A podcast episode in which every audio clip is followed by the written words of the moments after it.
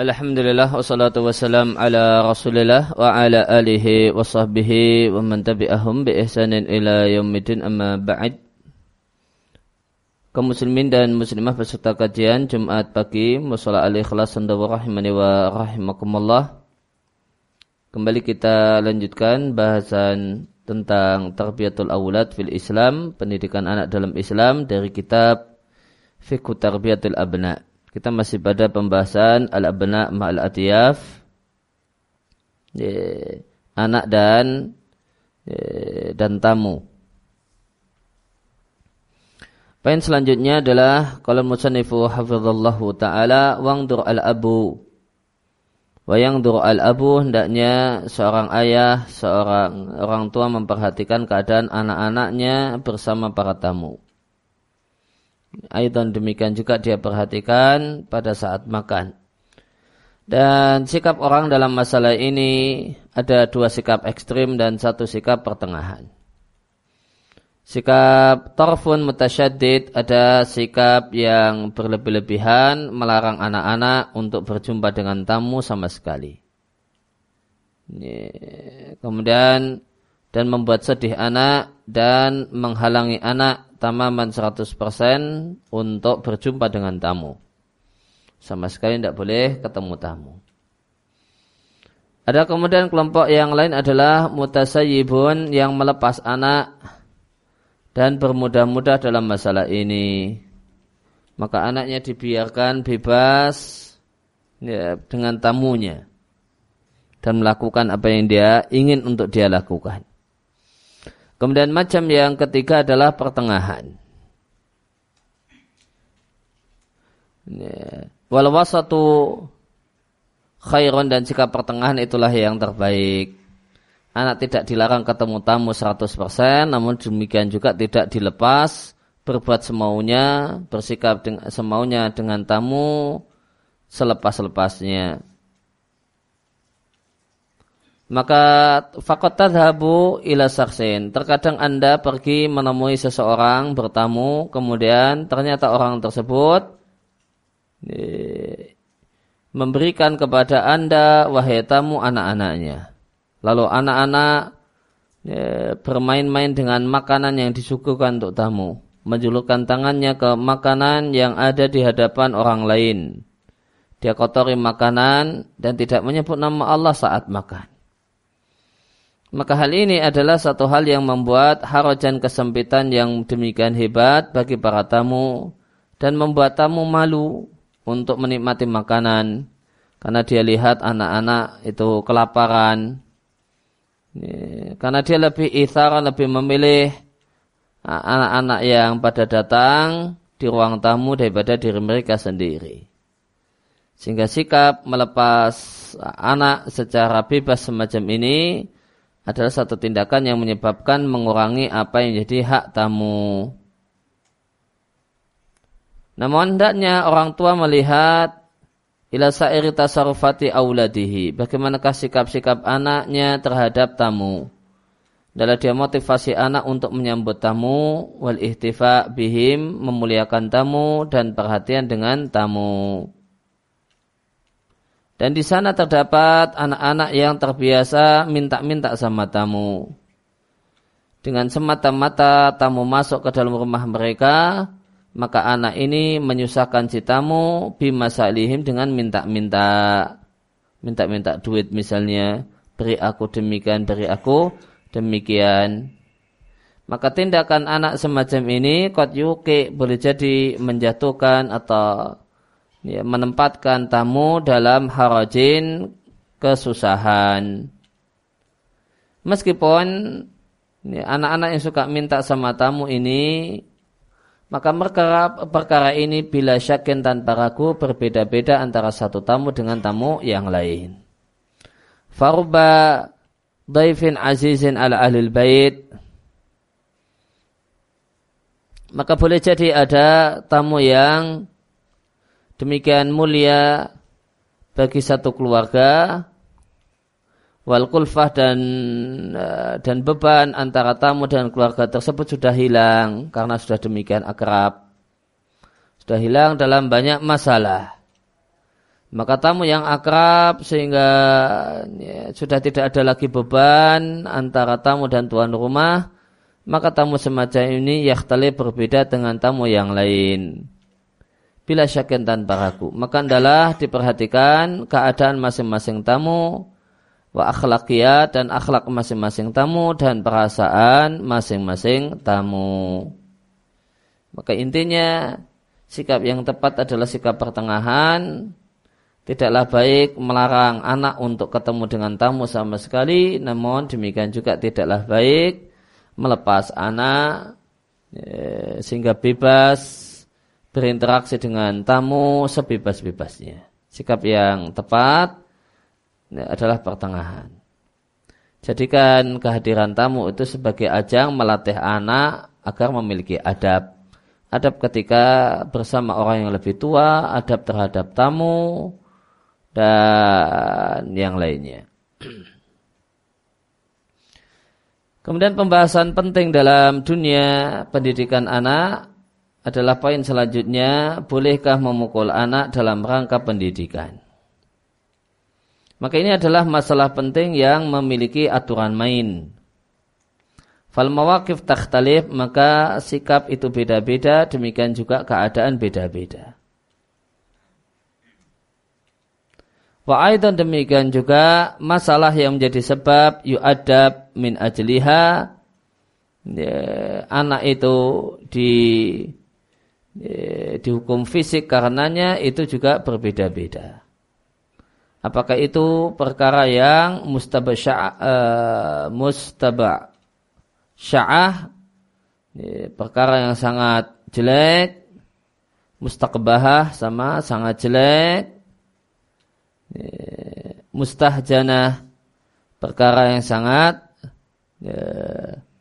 dan membuat malu ataukah masalahnya tidak sampai demikian? Kesalahan anak itu tidak sampai ya, satu hal yang sangat-sangat memalukan sebagaimana poin yang pertama atau sebelumnya.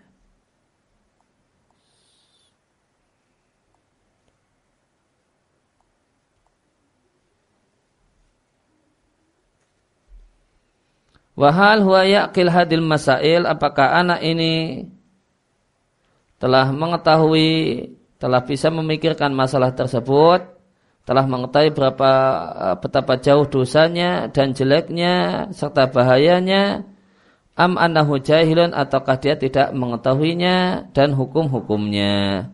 Maka ini patut dibedakan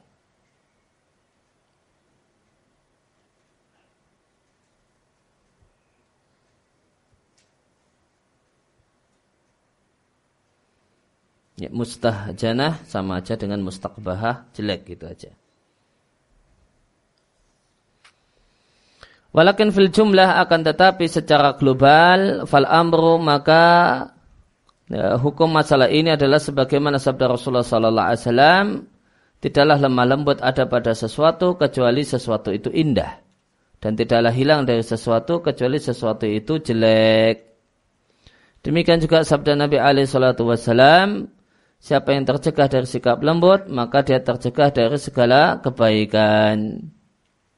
Dan Nabi Shallallahu Alaihi Wasallam juga mengatakan, siapa yang diberi satu bagian dari sikap lemah lembut, sungguh dia telah diberi satu bagian dari kebaikan dunia dan akhirat. Dan berkenaan dengan rumah tangga terdapat hadis khusus tentang masalah pentingnya lemah lembut dalam rumah itu sabda Nabi alaihi salatu wasalam, "Idza aradallahu bi ahli baitin khairan." Jika Allah menginginkan kebaikan untuk satu rumah tangga, adkhala alaihimur rifqa. Maka Allah akan masukkan ke tengah-tengah mereka sikap lemah lembut. Dia Imam Ahmad dalam Musnad wa sahihun bi majmu'i turuqihi, dia adalah sahih li ghairihi. Demikian juga uh, di hadis yang lain innallah rafiqun yuhibbu rifqa. Allah itu zat yang lembut dan menyukai kelembutan. Catatan kaki diatkan oleh Muslim dari Aisyah radhiallahu anha marfu'an. Lengkapnya hadis lanjutannya wa yu'ti ala rifqi ma lam yu'ti alal unfi. Allah memberi memberi nikmat dengan sebab lemah lembut satu hal yang tidak Allah berikan pada sikap kasar dan satu hal yang tidak Allah berikan kepada sifat-sifat yang lain.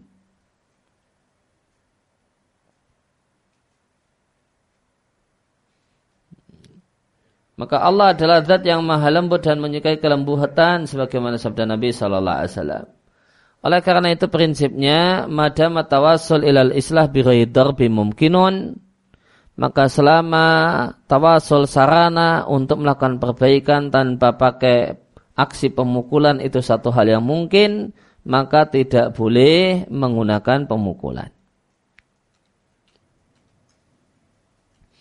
maka tidak boleh menggunakan hukuman fisik. Ya, boleh jadi nyubit atau mukul atau yang lain. Karena Nabi Shallallahu Alaihi Wasallam memiliki prinsip tidaklah beliau uh, diminta untuk memilih di antara dua perkara kecuali beliau akan mengambil yang paling mudah selama itu tidak dosa. Wakat warada aidan demikian juga terdapat dalil bahasa Nabi alaihi wasallam tidak pernah memukul dengan tangannya sesuatu pun.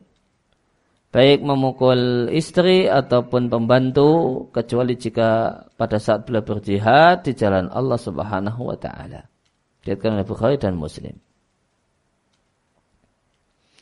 Oleh karena itu maka kewajiban orang tua bil kalimat untuk cerewet, untuk ngomong, Ya, tidak bosan ngomong jika kita menginginkan perbaikan. Jadi kewajiban orang tua untuk menggunakan berbagai macam bentuk tarhib motivasi. Nah ketika cerewet dan perkataan yang baik itu lam jadi tidak bermanfaat dalam melakukan perbaikan. Maka barulah digunakan kata-kata yang mengandung muatan nau'an minazajri, satu jenis larangan barulah digunakan at-tarhib menakut-nakuti sesuai dengan jenis kesalahan wajurmi dan kejahatan al-murtakab yang dilakukan. Kemudian yang ketiga faidah dalam jadi jika tidak bermanfaat maka perkataan yang melarang tidak manfaat. Maka pada saat itu qad yujdi ad-darbu boleh jadi hukuman fisik itu manfaat. Nah, karena itu kondisi anak berbeda-beda, karakternya juga beda-beda, tetenawa, ya, karakternya juga variatif. Ada anak yang dia cukup ya, faham kalau ini dilarang dengan semata-mata pandangan mata. Dipelototi atau dilirik, dia sudah faham. Ini berarti tidak boleh. Uh, cukuplah pandangan mata itu untuk tak uh, untuk takdib untuk menghukumnya, mencelanya, wa ta'nib dan mencelanya. Wa tu'athir fihi hadin natrah. Dan pandangan dan lirian mata orang tua ini untuk sebagian anak tu'athir memberikan pengaruh. Ta'thiran baliron pengaruh yang luar biasa. La hududalahu yang tidak ada batasnya. Sehingga jadilah lirian mata orang tua menjadi sebab dia menahan diri dari kesalahan semacam itu. Kesalahan yang irtakaba dia lakukan. Dan di antara anak ada yang faham ketika anda wahai orang tua memalingkan wajah dari si anak. Maka anak ini tahu maksud anda dan faham dan dia akan berhenti dari kesalahannya. Dan ada anak yang tujdi bermanfaat bersamanya kata-kata yang lembut. Maka untuk anak jenis ini kewajiban Anda orang tua menggunakan kata-kata yang lembut dengan anak yang modelnya semacam ini. Namun ada anak yang tidaklah bisa diperbaiki kecuali dengan dipukul. Tidaklah manfaat bersamanya kecuali sikap keras. Maka pada saat itu natajih kita pun mengarah, kita pun memilih untuk memberikan hukuman dengan pukulan, wasidah dan sikap keras sesuai dengan kadar yang memperbaiki si anak walana ta'adahu tidak boleh lebih dari itu. Maka hendaknya orang tua itu seperti dokter yang memberikan kepada si sakit hukunah injeksi Dan namun tentu injeksi ini membuat sakit. Akan tetapi injeksi itu harus bikodril maradi sesuai dengan kadar sakitnya saja. Kalau kurang dari kadar maka tidak bermanfaat. Lebih overdosis bahaya. Falirajul maka seorang bapak boleh bersikap keras bersama anaknya jika dia melihat ada pada anaknya kusuran, sikap yang tidak pas atau ada padanya atau dia jumpai padanya kholalan ya, ada satu hal yang error dan satu hal yang tidak benar.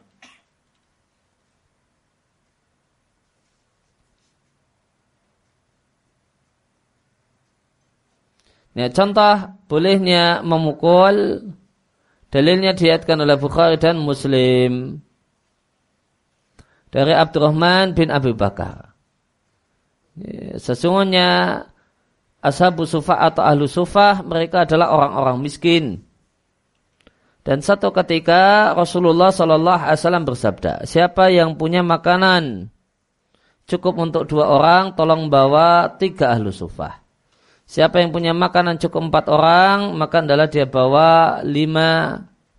Ya, maka adalah dia bawa lima orang. Demikian juga adalah dia bawa enam orang dan seterusnya. Aukamakola atau kurang lebih demikianlah sabda Nabi Shallallahu Alaihi Wasallam. Akhirnya Abu Bakar datang membawa tiga ahlu sufah. Sedangkan Nabi Allah Muhammad Shallallahu Alaihi Wasallam berangkat membawa sepuluh. Abu Bakar cuma tiga.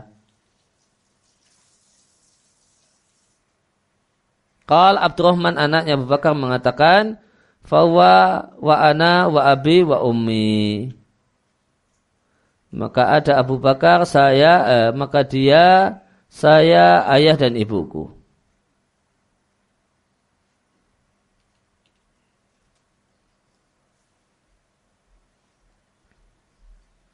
Wala adri dan aku tidak tahu apakah Abu Bakar mengatakan wamraati dan istriku wa khatimun dan pelayan baina baitina wa baiti Abi Bakrin antara ya, rumahnya kami dan rumah Abu Bakar. Qal Abdurrahman masih melanjutkan ceritanya Abu Bakar makan malam di tempat Nabi sallallahu alaihi wasallam. Thumma labitha, kemudian tak lama setelah itu sholat isya dikerjakan. Roja'a, kemudian kembali ke rumah Nabi, ngobrol, falah bisa, ya bincang-bincang dengan Nabi. Tak lama setelah itu Rasulullah Sallallahu Alaihi Wasallam ngantuk. Faja'a maka datanglah Abu Bakar pulang ke rumah setelah berlalunya minalail waktu malam. Masya Allah yang Allah kehendaki artinya sudah larut malam. Ya, padahal di rumahnya Abu Bakar ada tamu dan Abu Bakar belum nemeni tamunya makan. Dia malah makan malam di tempat di rumahnya Nabi. Maka istrinya Abu Bakar berkata pada Abu Bakar, ya, Wahai suamiku, apa yang menghalangimu dari tamu-tamumu? Ya kenapa kok pergi tamunya ditinggal di rumah? Ya, pergi-pergi tidak balik-balik. Alqalat atau istrinya mengatakan, Daifuka gimana nasib tamu-tamumu? Maka fahamlah Abu Bakar berarti tamunya belum makan malam. Awam ma'asyaitum Apakah engkau belum ngasih makan malam pada para tamu? Qalat, maka sang istri mengatakan, mereka tidak mau makan sampai engkau datang.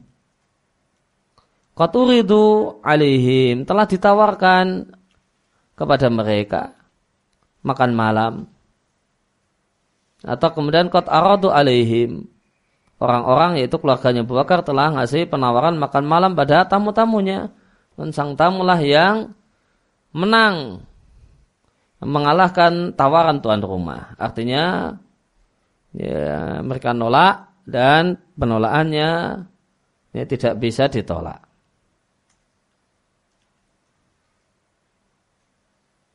Ini pada dan yang ditugasi ngurusi tamu adalah Abdurrahman. Maka Abu Bakar marah. Ini, ternyata tamunya belum makan. Nah, maka mengetahui ayahnya marah, Abdurrahman ini cuma fadhahabtu ana fakhtabatu. Pergilah aku sembunyi. Ini kalau ketemu bapak, waduh, ini, ini kena marah bisa-bisa. Ya, aku ditugasi untuk ngurusi makan malam tamu dan ternyata tamu belum makan malam. Ya. Wakal maka Abu Bakar mencari anaknya Abdurrahman dengan teriak mengatakan ya khonsar.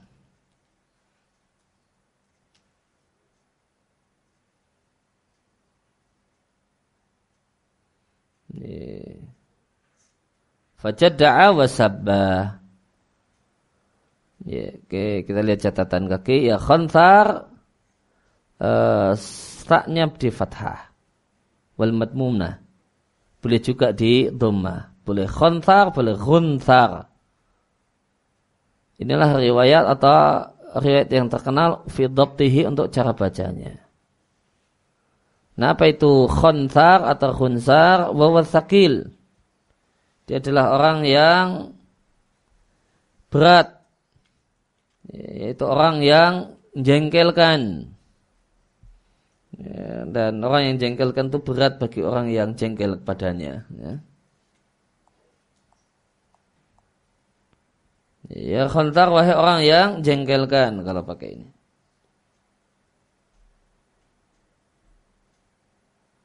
Atau maknanya wahim, wahim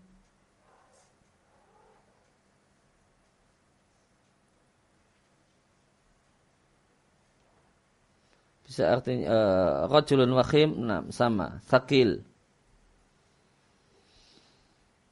Wakilah wal jahil ada yang mengatakan maknanya bodoh. Dia memiliki kata-kata khosarah yang artinya al-jahlu kebodohan. Sedangkan nunnya tambahan. Ada yang mengatakan maknanya safi, orang yang khafiful akli, tidak sempurna akalnya. Dia memiliki kata-kata khothar, artinya al-lu'mu jelek.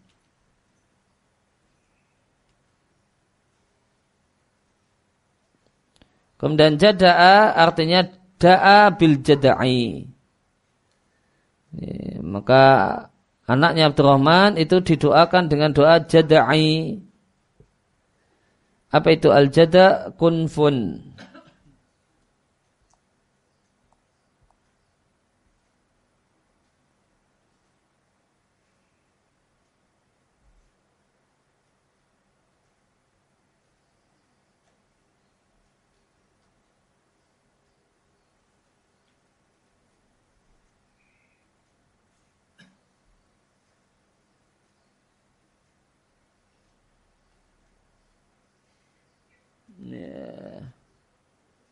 Bahwa kunfun uh, kunfun salah satu maknanya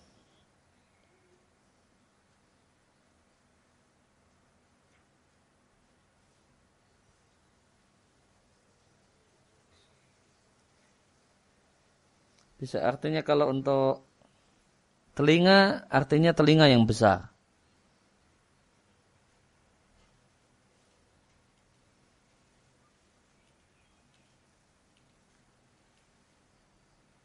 bertelinga besar wa ghair minal a'dha atau anggota badan yang lain. Asab artinya asyatam caci maki. Maka Abu Bakar teriak manggil Abdurrahman. Dia teriak anaknya Abdurrahman dengan ya khonthar. Wahai anak yang jengkeli, ke mana kamu? Fajada'a wasabba. Lalu keluarlah ucapan cacian dari Abu Bakar untuk anaknya Abdurrahman karena dia marah. Nah Abu Bakar ini marah sama anaknya dan marah sama tamunya. Nah, wong sudah ditawari nggak mau makan. Ya, udah ditawari tamu, udah ditawari makan, malah minta syarat aneh-aneh. Ya, syarat yang dianggap Abu Bakar aneh-aneh, minta ditemani, nggak mau makan kecuali ditemani Abu Bakar. Ya, maka Abu Bakar marah dengan Abdurrahman karena dianggap tidak beres, tidak amanah melaksanakan tugas, memastikan tamu sudah pada makan.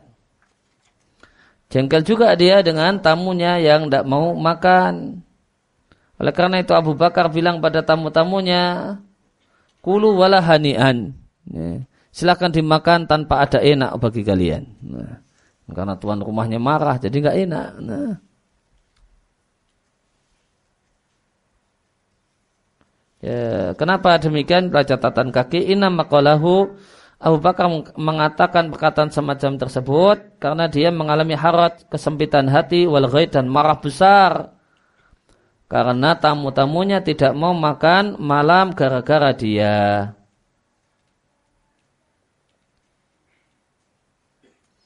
Ini satu pendapat mengatakan demikian maknanya wakil dan ada yang menjelaskan innahu laisa bitu'ain lahanian di sini bukan lah doa namun itu adalah kalimat berita. Ya, kulu lahanian itu artinya la tatahayya ubihi fi waktihi. Kalian tidaklah ya, bersiap-siap dengan uh, makan malam fi waktu pada waktunya. Tidak enak di sini ya, itu menceritakan berita karena makan malamnya sudah siap sejak tadi dan ini sudah, larut malam. Ya, sudah larut malam maka berarti sudah tidak lagi enak karena sudah lagi tidak anget, ya, sudah dingin. Maka sudah tidak enak. Maka lahanian di sini kalimat berita.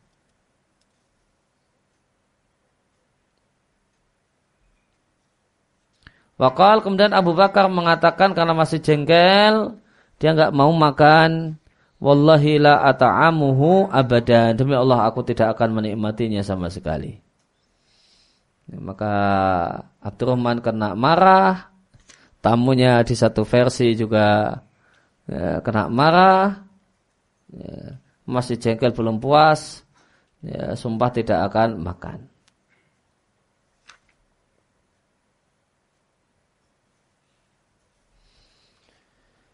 Ya, namun e, di sini terjadi karomah satu hal yang luar biasa. Qal Abdurrahman mengatakan, "Fa'ayumullahi demi Allah, tidaklah kami mengambil satu suapan kecuali roba.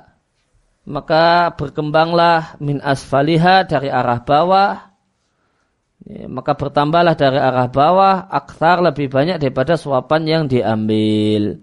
Sampai-sampai kami kenyang dan setelah kami kenyang ternyata jumlah makanannya lebih banyak daripada sebelumnya. Diambil tidak berkurang malah tambah banyak. Fanadara ilaiha Abu Bakar maka Abu Bakar melihat makanan tersebut ternyata dia utuh seperti semula atau aktar bahkan lebih banyak.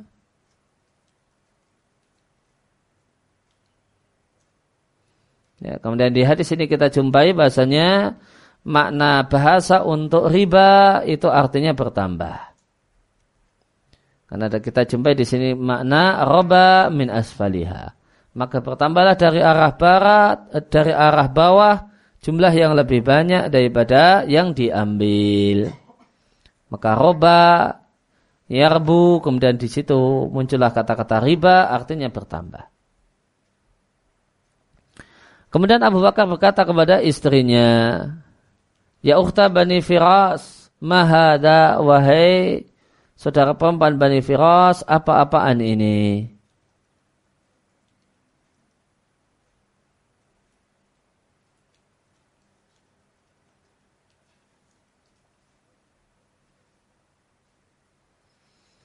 Qalat maka eh, istrinya Abu Bakar mengatakan la wa aini tidak dan penyejuk mataku. Lahia al-an, sungguh dia saat ini lebih banyak minha qabla dalik bithalati mirarin. Tiga kali lipat lebih banyak daripada sebelumnya. Qal fa'akala minha Abu Bakar artinya Abu Bakar ikut makan. Waqal Abu Bakar mengatakan inna makana dzalika minasyaitan yakni yaminahu. Sungguh sumpah dia untuk tidak mau makan itu adalah godaan setan.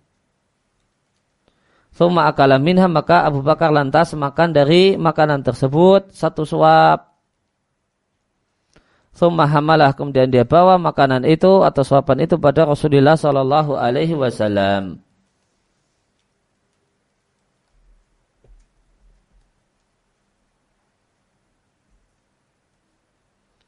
Maka makanannya dibawa ke tempat Rasulullah Sallallahu Alaihi Wasallam sehingga faasbat ingdau jadilah makanan itu di dekat Nabi. Qal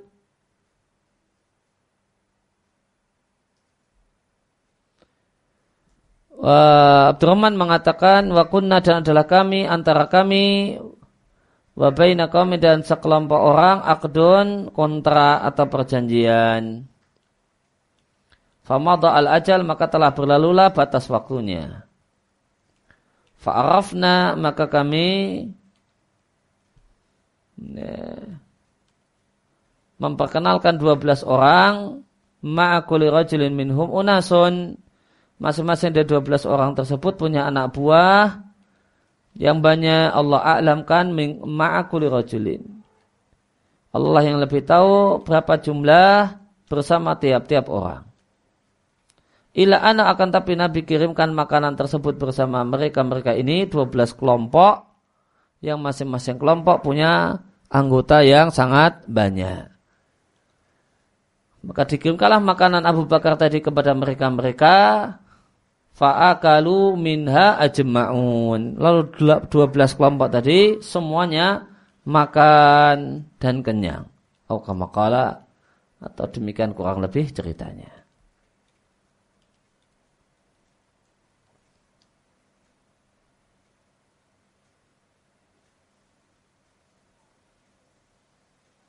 Ya, sebelumnya tentang qurratu ain yang biasa diterjemahkan dengan penyejuk mata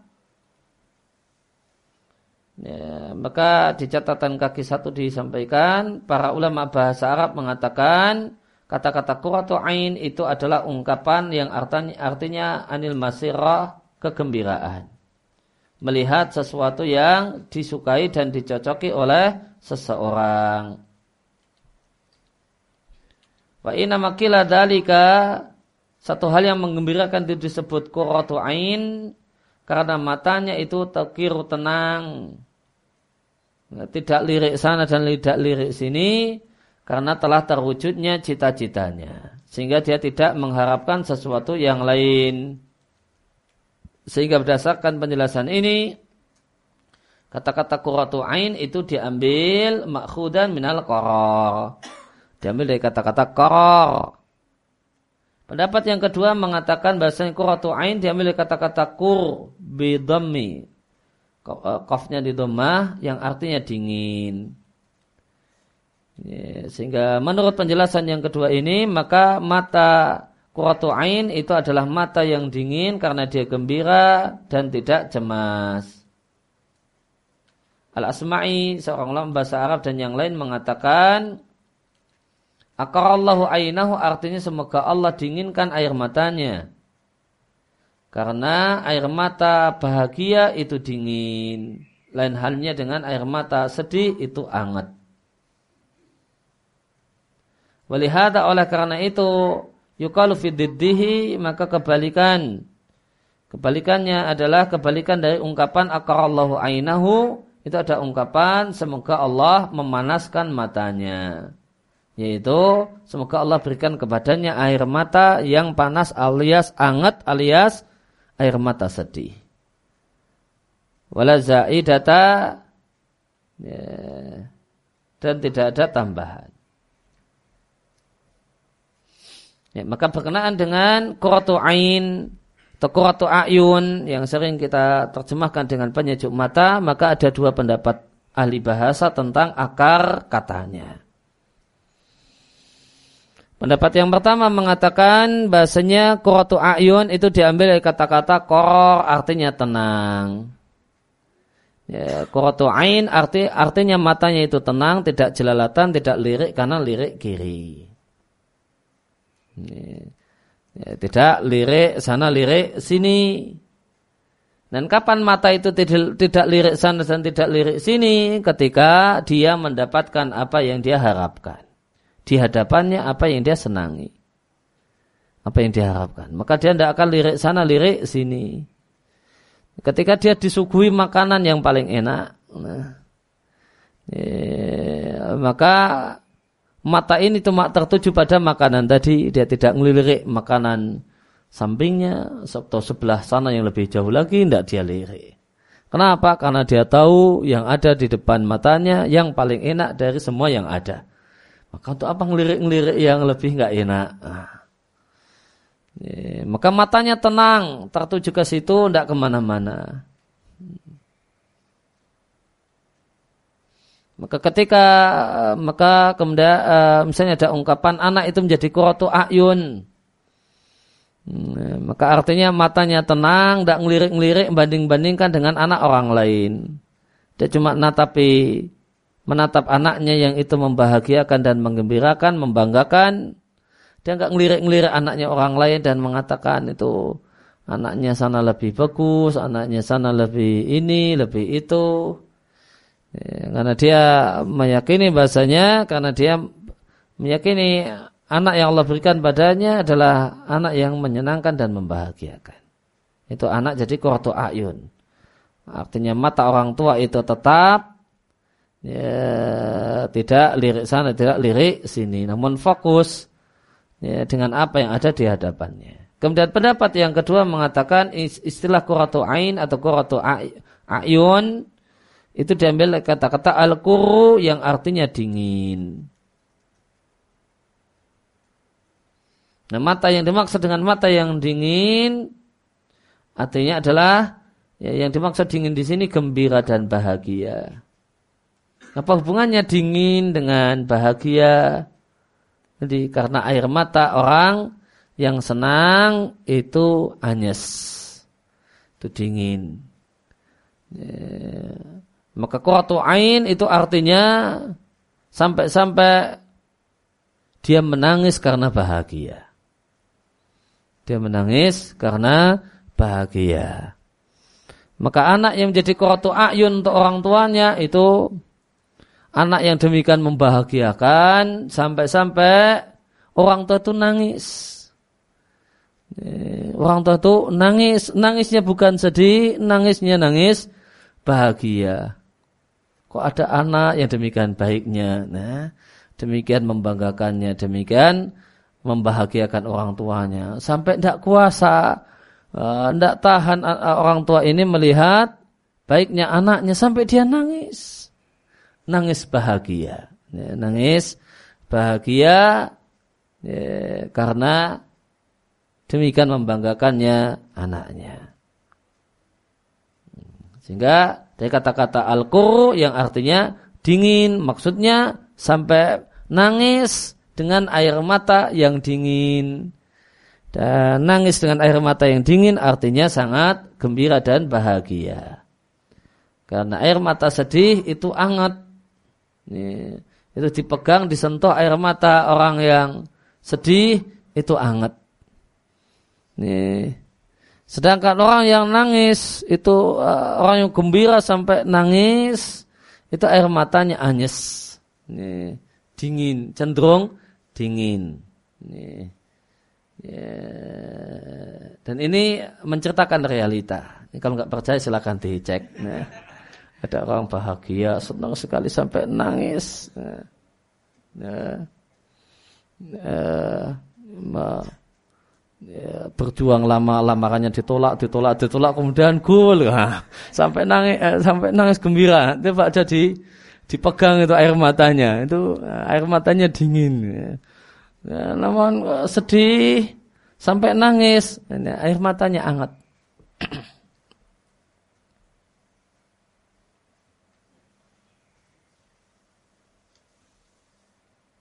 Ya, kemudian tadi Abdurrahman mengatakan antara kami dan sekelompok orang ada perjanjian atau ikatan, maka telah ya, telah berlalulah batas waktunya. Fa'arafna. Arafna catatan kedua hakada demikian dalam mayoritas naskah. Ini kitab Sahih Muslim atau Sahih Bukhari, eh Sahih Muslim. Ya, fa'arafna pakai ain dan roknya ditasid artinya kami jadikan arafah beberapa ya, beberapa ketua. Beberapa ketua. Arfa artinya pimpinan-pimpinan. Namun ada juga, namun banyak dari sebelah naskah mengatakan fa'arafna dari kata-kata tafrik. Artinya kami jadikan 12 kelompok. Dua-duanya intinya sama benarnya. Maka antara kaum muslimin dengan orang kafir ada ikatan perjanjian. Sekarang ikatan perjanjian telah selesai. Maka kaum muslimin siap-siap perang. Dan pasukan Nabi itu dikelompokkan menjadi 12 kelompok. Nah makanan dari Abu Bakar itu dibagikan kepada mereka-mereka 12 kelompok tadi dan awal hasil fa'akalu minha ajma'un semuanya makan. Ini, maka ini menunjukkan keberkahan makanan.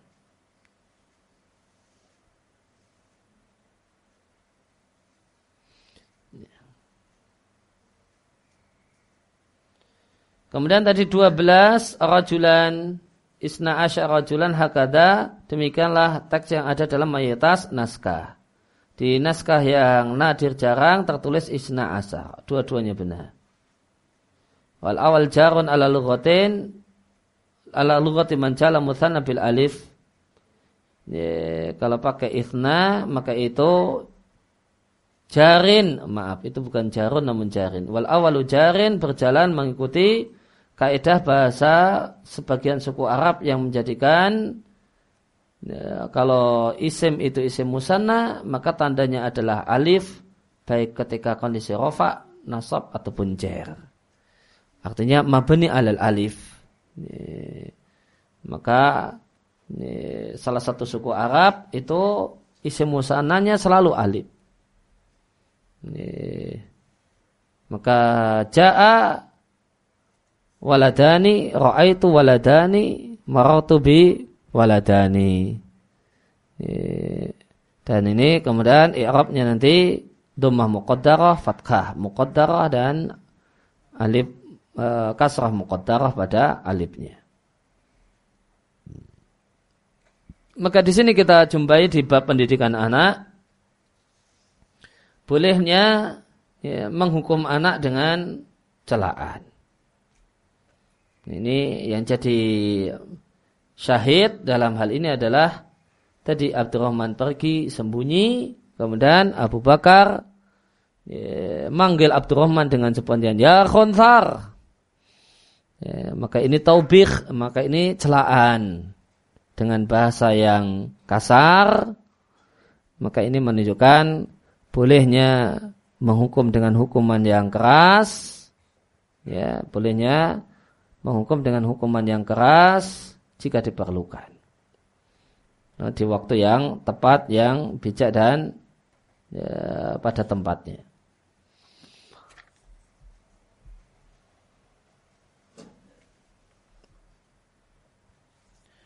Kemudian wa akhraja Musliman diatkan oleh Muslim dari Abdullah bin Umar radhiyallahu anhuma beliau mengatakan aku mendengar Rasulullah sallallahu alaihi wasallam bersabda Janganlah kalian larang istri kalian ke masjid jika istri kalian minta izin kepada kalian ilaiha pergi ke masjid.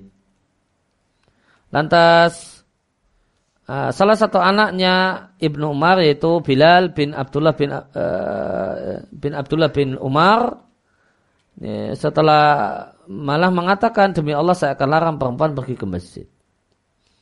Maka Abdullah kemudian akbal alaihi mendekatinya mendekati anaknya dan mencacinya dengan cacian yang jelek. Aku belum pernah mendengar Ibnu Umar mencaci dengan cacian semacam itu.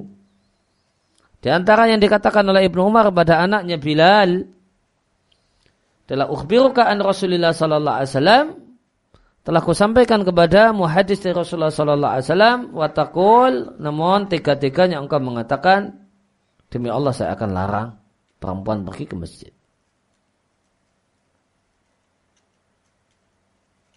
Dalam riwayat yang lain fazabara catatan kaki. Wa ya ingda muslim kalian muslim zabara artinya nahara bentak. Maka Ibnu Umar membentaknya dengan mengatakan aku sampaikan kepada musabda Rasulullah sallallahu alaihi wasallam dan kau katakan kami tidak akan biarkan perempuan pergi ke masjid. Maka dari sisi pendidikan anak ini dalil bolehnya ya, menghukum dengan celaan yang keras. Wahaya maka berikut ini adalah beberapa maka ya, kutipan di atas adalah dalil yang digunakan dalil tentang masalah takdib. Bolehnya menghukum dengan memukul jika diperlukan. Dan ini hanya berlaku untuk sebagian anak. Manakala dia tidak mau taat dalam kebaikan atau tidak mau merespon ketika, untuk melakukan kebaikan. Atau ketika dia ngotot dengan kedurhakaannya, kedurhakaannya, watamaro ya, pembangkangannya dan kezalimannya.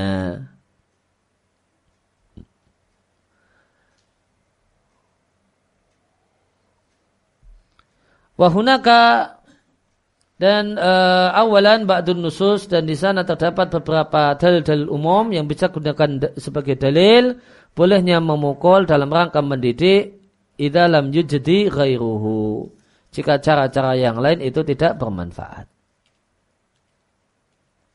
Di antara dalil umum tersebut adalah firman Allah Subhanahu wa taala wallahu la yuhibbul fasada Allah tidak menyukai kerusakan. Dan di antara bentuk kerusakan adalah pembangkangan kepada orang tua. Dan Allah Subhanahu wa taala mengatakan seandainya bukan karena falau kana minal kuruni min qablikum. Maka seandainya ada ya, generasi-generasi sebelum kalian yang mereka adalah ulu baqiyatin orang-orang yang masih tersisa yang melarang dari kejelekan di muka bumi Ila kalian kecuali sedikit dari orang-orang yang kami selamatkan dari mereka. Ya, maka jika kerusakan dan kejelekan yang terjadi pada anak tidak akan hilang kecuali dengan memukul si anak fahina idin yalzamu al darbu maka pada saat itu sebuah keniscayaan memukul anak. Demikian juga dalil-dalil yang berkenaan dengan larangan uh, berkenaan dengan nahi mungkar. Semisal firman Allah Ta'ala, Kuntum kalian adalah sebaik-baik umat dikeluarkan untuk manusia yang melakukan amar ma'ruf nahi mungkar dan beriman kepada Allah. Maka seandainya ada kemungkaran yang tidak bisa hilang kecuali dengan dipukul, ma'a diiringi dengan terjaganya sisi-sisi negatif yang lain, maka pada saat itu satu hal yang yutaja, satu hal yang tepat, ila dorbi, ya, adanya pukulan. Demikian juga sejumlah dalil tentang ta'awun tolong menolong dalam kebaikan dan takwa dan meninggalkan tolong menolong dalam dosa dan permusuhan. Maka itu dalil-dalil umum yang bisa jadikan dalil menunjukkan bolehnya melakukan hukuman fisik kepada anak jika memang diperlukan untuk itu. Ya demikian yang kita baca kesempatan uh, pagi hari ini. Ala nabiyina Muhammadin wa wa allahumma wa bihamdika asyhadu an la ilaha illa anta astaghfiruka wa atubu ilaik